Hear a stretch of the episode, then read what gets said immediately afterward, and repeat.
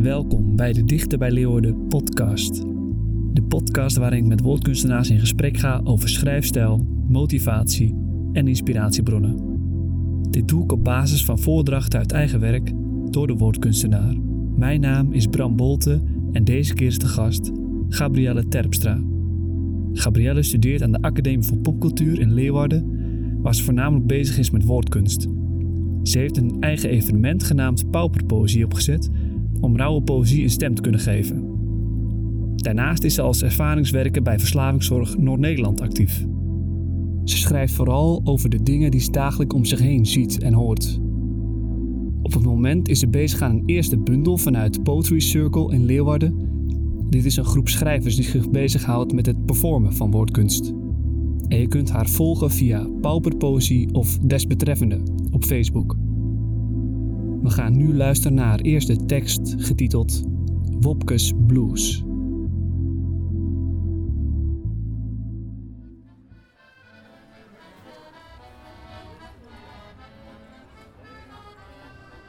Wopke ging te keuren op het Cambuurplein. Toen vonden dat wat tientjes en dat vonden fijn. Hij kocht er een kret Amstel voor, sigaretten en wiet.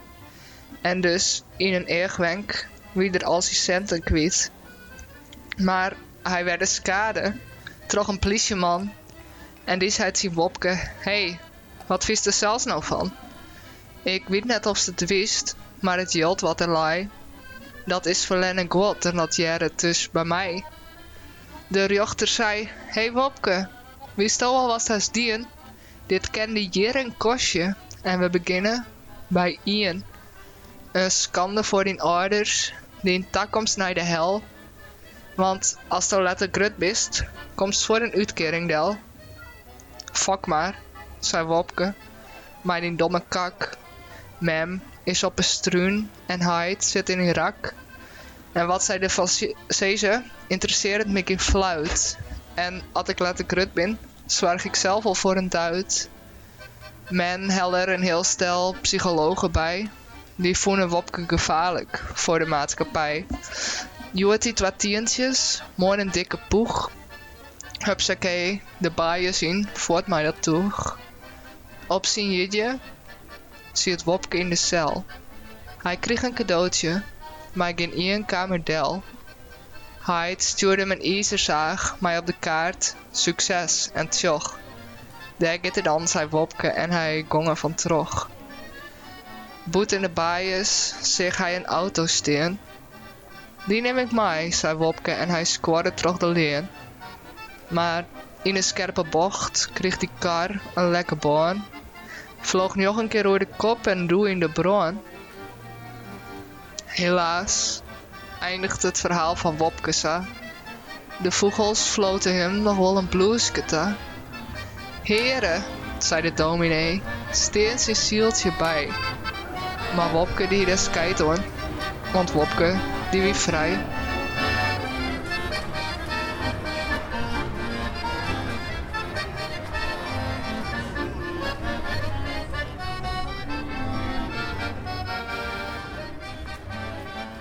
Ja, ik zat, ik zat mee te lezen, want je hebt me net verteld dat dit uh, een hertaling is, zoals je dat dan zelf zegt, van Cornelis Vreeswijk. Ja. Van Jantje Blues heet dat. Ja, klopt. Ja, dat is een liedje. En uh, voor de mensen die dat niet weten, wie is Cornelis Vreeswijk? Uh, Cornelis Vreeswijk uh, is een zanger die al inmiddels overleden is, denk ik. Ik weet helemaal niet of dat zo is. dat veronderstel je. leeft hij wel nog gewoon. Ja, hij is al lang dood trouwens. Sinds 1987. Um, het is een Nederlands zanger en liedjeschrijver, maar hij is verhuisd naar Zweden. En daar is hij eigenlijk wel heel beroemd. En hier niet echt. Maar je kan hem wel kennen, je kan hem wel kennen van uh, De Nozem en de Non. Dat is zo'n oud lied, dat heeft hij gezongen. En dat is wel redelijk bekend. En jij hebt het uh, hertaald naar het Fries? Ja, want uh, nou, ik ging toen bij Poetry Circle. Of daar wou ik toch graag bij. En toen was de opdracht van vertaal je lievelingslied. Oké toen deed ik dat. En dit is een beetje jouw uh, lijflied? Ja, nou niet... Ja, in die tijd misschien dacht ik, oh, dat is cool. Tenminste, ik vind het wel leuk om dat soort dingen te vertalen. Oh ja. In plaats van, eh, nou, je hebt ook hele standaard dingen natuurlijk. Ik vind het wel leuk om eh, met Nederlandse liedjes wat ouder te kijken. Nou, wat langer geleden. Ja, wat, wat, wat trekt je daar zo aan, aan die eh, wat oudere liedjes of deze... deze... Ja, weet ik niet. De taal, zeg maar, Dr. Anders P vind ik bijvoorbeeld ook echt heel cool. ja. Maar dat is ja, heel ander taalgebruik. ja. Wat, eh, Misschien het oudbollige Ja. eraan. Of juist, ja, of juist dat, het, dat het daardoor juist ook rauwer wordt, omdat het een hele andere manier van spreken is. ja, het is ook gewoon grappig, vind ik. Een goede rijm zit erin, vaak. Ja. Bij Dr. Anders P in ieder geval. En vind je dat dat tegenwoordig ook wel veel van dat, dat schrijvers zijn? Of is dat beetje een uitstervend ras? Is dat een beetje een uitstervend ras misschien, dat soort schrijvers? Of vind je dat niet? Eh, nou ja, je hebt natuurlijk al kleinkunst, daar gebeurt ook al veel in. ja. Maar ik denk dat het wel minder wordt. Ja. Maar het wordt anders natuurlijk. Je hebt nu hip-hop. Misschien als Dr. Anders P nu geboren zou worden, zou hij ook eh, dikke rapper worden of zo. Dat zou nu echt een, eh een soort Ali B zijn. ja, precies. Ja, dat zou grappig zijn. Nou ja, in ieder geval hou jij nog een beetje hoog op deze manier. Door het weer eh, leven in te blazen. Want ik heb je hem ook, wel- ik heb je hem ook wel eens zien, eh, zien voordragen bij... ehm, hoe moet ik het goed zeggen? Omroep Friesland. Klopt Ja, dat? klopt. Ja. Ja, vorig jaar, nee, in september of zo was ik daar. Ja. Ja, want toen weet je, je... Je treedt dus ook wel eens op met je, met je poëzie verder? Of Ja, hoe zit dat precies? ehm, ja eh, met Poetry Circle treden we natuurlijk sowieso op. En daarnaast eh, word ik wel eens gevraagd. Ah ja. En nu met corona eh, kwam Omroep Friesland bij me langs afgelopen 5 mei. Dat is ook wel heel leuk. Toen deden ze een tour voor Bevrijdingsdag. En toen gingen ze langs allemaal dichters en schrijvers en muzikanten. Oh, cool. Oh, vet. Ja, dat was echt cool. Ja. En wat, wat, wat kwamen ze precies bij jou doen dan? Ik had een, eh, een eh, stukje geschreven Oh ja. voor, nou speciaal daarvoor eigenlijk. Maar omdat ik wist dat ze langs zouden komen, ging ik schrijven. En eh, nou ja, het ging over complotdenkers. Want daar ben ik nu met heel veel mee bezig, zeg maar, met die complotten. Want ik vind dat heel interessant. Om te, om te kijken waarom mensen zo denken, wat er dan allemaal is. En eh, nou, ik ben eh, dan ook aan het kijken naar Jensen. Die heeft nu in plaats van eh, de tv, is hij nu actief op YouTube. Ja, ja, ja. Ja, het is ook echt zo'n typische, zo'n typische show die daar, die daar heel veel over heeft. Ja. Eh, ja, ik vind, vind het wel grappig, want dat zijn ook weer, het sluit ook wel bij elkaar aan weer, die thema's. Die, die, het is zo'n beetje zo'n, ja, ik weet niet hoe ik het moet beschrijven, zo'n alternatief of een rauw thema. Of, eh, ik weet niet hoe, hoe, hoe ik het zeggen, maar het is altijd wel, je pakt altijd hele grappige invalshoeken of zoiets. ja, En, eh, andere, denk ik. wat zeg je? andere invalshoeken dan standaard, denk Ja, ik. dat denk ik inderdaad. Maar ja, wat is standaard? Ja, ook. Dat weet ik ook niet. Ook weer zo. Eh, maar zou, zou je hem best willen voordragen, die van... eh, Ja, ik heb hem speciaal voor jou vertaald in het Nederlands. hij was eerst in het Fries. Eh, Oké, ik ga hem doen, ja. Hier komt hij.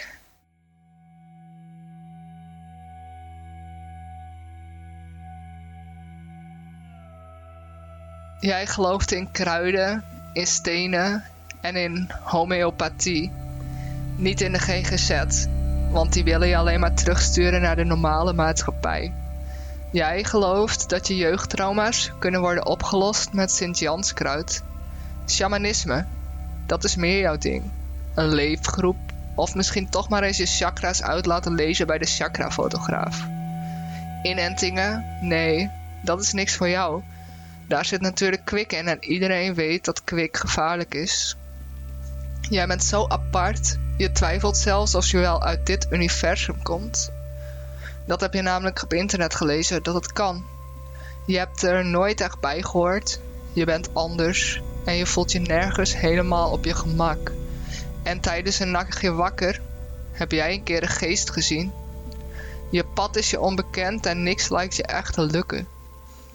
De tarotkaarten die je elke dag legt, vertellen je dat er iets moet veranderen. En op internet kom je er alleen maar dieper in. Op sites waar voormalig dorpsgekken elkaar vinden. En na nog een nacht wakker, zonder slaap en met veel drugs, weet jij het zeker. Jij bent wakker. Jij bent wakker geworden en je ziet de complotten van de wereldorde steeds duidelijker. En het is je missie om andere mensen ook wakker te maken.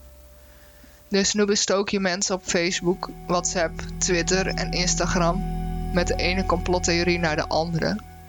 Je begint misschien je eigen krant of YouTube-kanaal. En dit allemaal onder het mom van: Word wakker, mensen. Je zelfverzorging wordt minder. Dat is toch alleen maar uiterlijk vertoon en dat heb jij niet meer nodig. Wetenschappelijk onderzoek vind jij nu onzin. Dat is gemanipuleerd. Denk zelf na, mensen, schreeuw jij nu om het hardst. 5G veroorzaakt klachten. Corona bestaat niet. Bill Gates heeft dit verzonnen om zo nog rijker te worden. En als er een vaccin komt, dan weet jij heel zeker dat er iets in zit. Een microchip bijvoorbeeld. Nee, niks voor jou, die vaccins. Want jij bent wakker en de rest nog niet. Word wakker, mensen. Maar lieverd, ga jij alsjeblieft wat vaker slapen?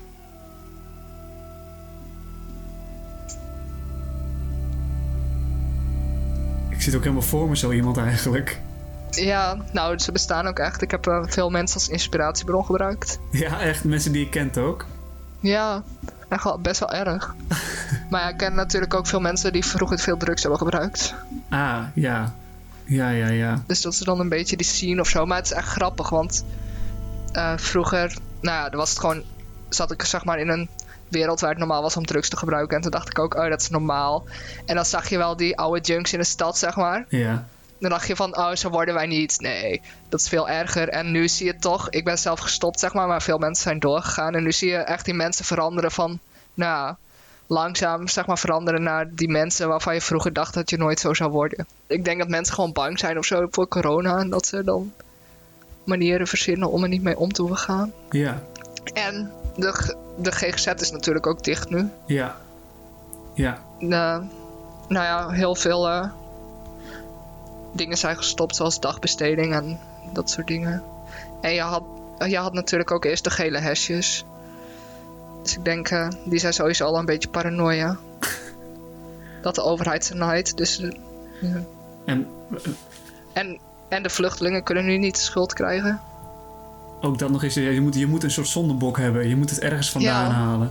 Ja, precies. Dat willen mensen graag, hè? Eh, en waar, wat ik me afvroeg, waar, waar komt je eigenlijk jouw... Je, kon- je, hebt, je hebt zelf in, zo'n, in die scene gezeten, of in de, in, in de eh, gebruikerssfeer, zeg maar. Ja. Is daar ook jouw fas- fascinatie voor, voor die scene blijven hangen? Of van je manier van schrijven, zeg maar? Ja, ik denk het wel. Het rouwen? Ja.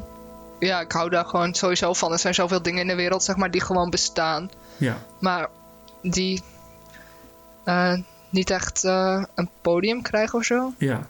Terwijl ze wel gewoon normaal zijn Ja. en gebeuren. Ja. Dus het is eigenlijk ook het soort het normaliseren van, van eh, die groep mensen of die... eh, Ja, en gewoon, nou ja, bijvoorbeeld met psychische kwetsbaarheid. Gewoon laten zien van, oh, je bent niet de enige, kijk, ik heb het ook. En ik sta op het podium of zo, bijvoorbeeld. hoe je schrijft. Ik heb al meerdere gedichten van je. Het is, al- het is altijd heel droog en heel realistisch of zoiets. Ja, Ja, gewoon een, hoe een droge situatie zich voor kan doen in een, in een, bij iemand thuis. Wil je me voorlezen? ja. Eh, hij heet Thuis en het gaat dus over nou ja, quarantaine thuis. Mijn voornemen om elke avond yoga te doen is op dag 1 vervlogen. In plaats daarvan at ik gisteravond zes kipnuggets en drie ijsjes. Mijn hond, die het ook allemaal niet meer weet, at twee kattendrollen en kip uit de bosjes. Waar, waar put je eigenlijk inspiratie uit? Put jij uit eh, eh, herinneringen? Uit, uit misschien plekken in Leeuwarden? Of put je plek Ehm. uit gesprekken? Of, gesprekken, ja. ehm, vooral uit eh, het moment zelf, zeg maar. Want ik ben wel echt altijd eh, bezig met het schrijven van dagboeken. En nou ja, daaruit kan ik gewoon letterlijk verhalen nemen die ook best wel nou ja, hetzelfde thema hebben. En dat voor gaan dragen, zeg maar. En dat vind ik ook echt heel leuk. Eh, om nou, op een podium te doen. Ja. En gedichten, ja, uit mijn omgeving put ik dan vooral. Maar ga je ook dan bijvoorbeeld echt eh, zo'n inspirerende plek zoeken? Of, of komt dat vanzelf al naar je toe? Ehm, nee, ik, mijn inspirerende plek is voor mij zo weinig mogelijk om me heen hebben. Qua afleiding. Maar het is wel eens zo dat als ik aan het wandelen ben door Leeuwarden, want dan woon ik natuurlijk ook, dat ik eh, wel inspiratie krijg. Maar dat komt dan meer door het bewegen. Ja. Ja. Bewegen is gewoon heel goed voor eh, je hersenen. Ja. Het is eigenlijk proberen een beetje een lege situatie te creëren. Of het nou qua plek Ja. is of te gaan, of te gaan bewegen. Zodat je een beetje, zodat er wat begint te stromen, zeg maar. Ja, precies. Ja. Een loodgieter gaat ook niet thuis op inspiratie zitten wachten, zeg maar. Weet ik niet. Nee, wie weet. maar het is vooral gewoon doen. Ja. En, eh, Maar dat moet ik mezelf ook wel eens eh, aan herinneren hoor. Want ik denk ook, ik had eh, de afgelopen tijden dus ook de hele tijd een writersblok. Maar dat was gewoon omdat ik me niet zo goed voelde en dan ook Ja. niet iets ga doen. dan gaat het sowieso wat mo- moeilijk om überhaupt een pen op papier te zetten.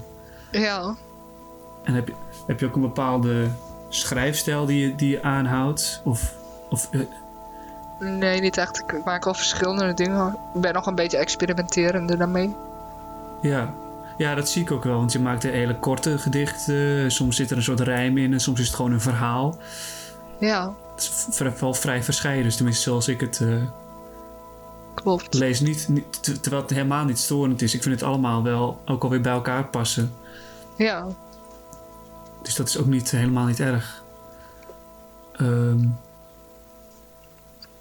en als laatste eigenlijk, heb je misschien inspirerende schrijvers wat jij leuk vindt om te lezen? Ehm, Maarten van Rossum. Ja, Maarten vind van Rossum. leuk om te lezen. Ja, die heeft hij. Ik weet niet, ik vind hem gewoon vet grappig. Ja, En leestips, leestips. Ik lees, weet ik niet. Ik ben nu eh, hele spannende Scandinavische boeken aan het lezen over moord en zo. qua, ja, ik vind eh, qua woorden, zeg maar, vind ik Arnon Grunberg altijd wel Oh, cool. ja. Om dan in zo'n echte eh, literaire flow te komen. ja. Want pak, pak je daar dan Maar, ook eh, dingen uit als je zoiets leest? Of tenminste dat je Ja, denkt van, oh, vind ik wel. echt een vette Ja, woordkeus. dan denk ik van, eh, oh ja, klopt. Ja, dan sla ik dat wel op oh ja, in mijn telefoon. oh ja. Ja, om in een flow te komen, dan vind ik dat wel cool om te lezen. En Simon Vinkoog, dat is een eh, dichter ook. Die vind ik ook heel cool qua cadans. En dan kan ik met mijn ri- ritme in het hoofd bijvoorbeeld schrijven. Oh, dat is wel een goeie ook. Dus dan pak je eigenlijk Ja. een... Dus je pakt eigenlijk de vorm van iemand en dan ga je daar zelf je eigen verhaaltje op bouwen. Ja, klopt. En eh, nou, qua schrijven gewoon doen, zeg maar. Ga je dag gewoon beschrijven in 10 minuten of zo. En dan komen daar ook meestal coole dingen uit. Ja, eigenlijk net zoals jij doet met een, met een dagboek. Ja, Wat dan eigenlijk ineens hele leuke verhalen zijn. ja, En misschien, ik denk ook, soms ook gewoon heel onbedoeld dat het grappig blijkt te zijn. ja, klopt. Ja, op dat moment is het dan niet zo van, oh, ik wil iets grappigs schrijven. Maar Nee. meer, ik wil mijn belevenis eh, verwerken. Ja. En, het- Ja. en je verwerkt iets en het is daarna ook nog eens grappig voor andere mensen. Ja, klopt. Ik vind ook je, je gedicht, ja, ik weet niet of je hem nog ergens, ergens tevoorschijn hebt, maar ik vind je gedicht van de buurman vind ik ook heel erg leuk. Oh ja. Eh, ik wil graag verslag doen van de seks die ik had. Maar ik vind het moeilijk om er woorden voor te zi- verzinnen. Maar goed. Het begon allemaal met een oude traditie. Seks. Met een buurman. Lekker makkelijk. Je hoeft er de deur amper vooruit. En je komt er makkelijk achter of hij je leuk vindt. Hij woont er nog maar net. Ik was hem al een paar keer tegengekomen en ik vond hem wel knap. En hij mij ook. We hadden een soort van flirtklik of hoe je dat ook maar wil noemen. Via Tinder kwam ik erachter dat hij vrijgezel was. En ik vond hem leuk. En hij mij. En daarop nodigde hij me uit voor een drankje in de avond. Na wat gezeik over wat ik wou drinken en de aanname dat ik veel moest sporten omdat ik geen alcohol dronk, koos ik voor thee. Ik had voor de zekerheid mijn kut maar weer eens geschoren, want je weet maar nooit. Acht uur stond ik voor de deur. Hij wou eerst bij mij komen, maar mijn huis is mijn veilige plek, dus dat wou ik niet. Ik kwam binnen in het tweelingappartement, maar dan niet la Jan Steen. Hij vroeg hulp met het ophangen van een schilderij boven de bank en de sfeer was meteen relaxed. We kletsten en ouwehoerden veel. Hij was een echte leeuwadder. Ook hadden we serieuze gesprekken. Hij had een licht bipolaire stoornis en ik een trauma. Hij was op emotioneel niveau nog niet heel erg volwassen, dus hij begreep dat niet echt, maar goed. Hij vroeg of we nog gingen zoenen. Ik was zenuwachtig. Zoenen en seks is altijd iets waar ik even doorheen moet, omdat ik bang ben voor onkunde en wasmachine zoenen en ook voor micropenissen. Maar toen ik eenmaal toegaf aan het zoenen was het super relaxed. Hij zoende zacht en kalm en het was een goed begin. Echter was hij het soort man dat na twee minuten zoenen zijn, mijn broek al uittrok en een poging deed tot beffen en vingeren. Wat in mijn ogen een soort van gepruts was om zijn lul zo snel mogelijk naar binnen te krijgen. Maar goed, hij had wel condooms. Hij vroeg of ik hem om wou doen, maar ik was er nog niet klaar voor om zijn lul te zien of aan te raken. Wat misschien een beetje raar is als hij zo intiem met iemand gaat zijn. Maar goed, zo was mijn gevoel op dat moment. Dus hij deed het zelf. Het neuken op zich was wel leuk. Het was voor mij toch al meer dan een half jaar geleden. En ik was blij om te merken dat het geen stress meer opleverde. Doordat de traumabehandeling echt had geholpen en dat voelde goed.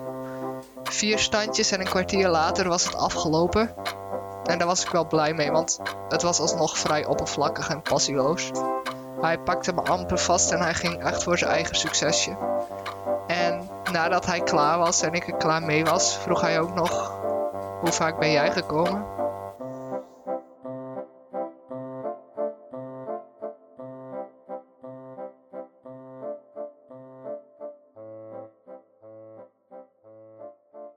Ik denk dat we qua tijd uh, aan het eind zijn gekomen van de podcast. Leuk dat je er was, Gabrielle. Ja, dankjewel. nou, ja, niet dat je er was. Dat, dat, leuk dat ik je hoorde, Gabrielle. Ja, ook leuk om jou gehoord te hebben, Bram. en hopelijk zien we elkaar snel weer bij uh, uh, een fysiek evenement. Om het zo ja. maar uit te drukken. Ja, precies. En ik wens je veel ja, schrijfinspiratie toe in deze coronatijd. Ja, bedankt. Dat er nog maar, Jij ook, denk ik. Dat er nog maar veel, veel mag vloeien. onhandige verhalen mogen komen. Ja.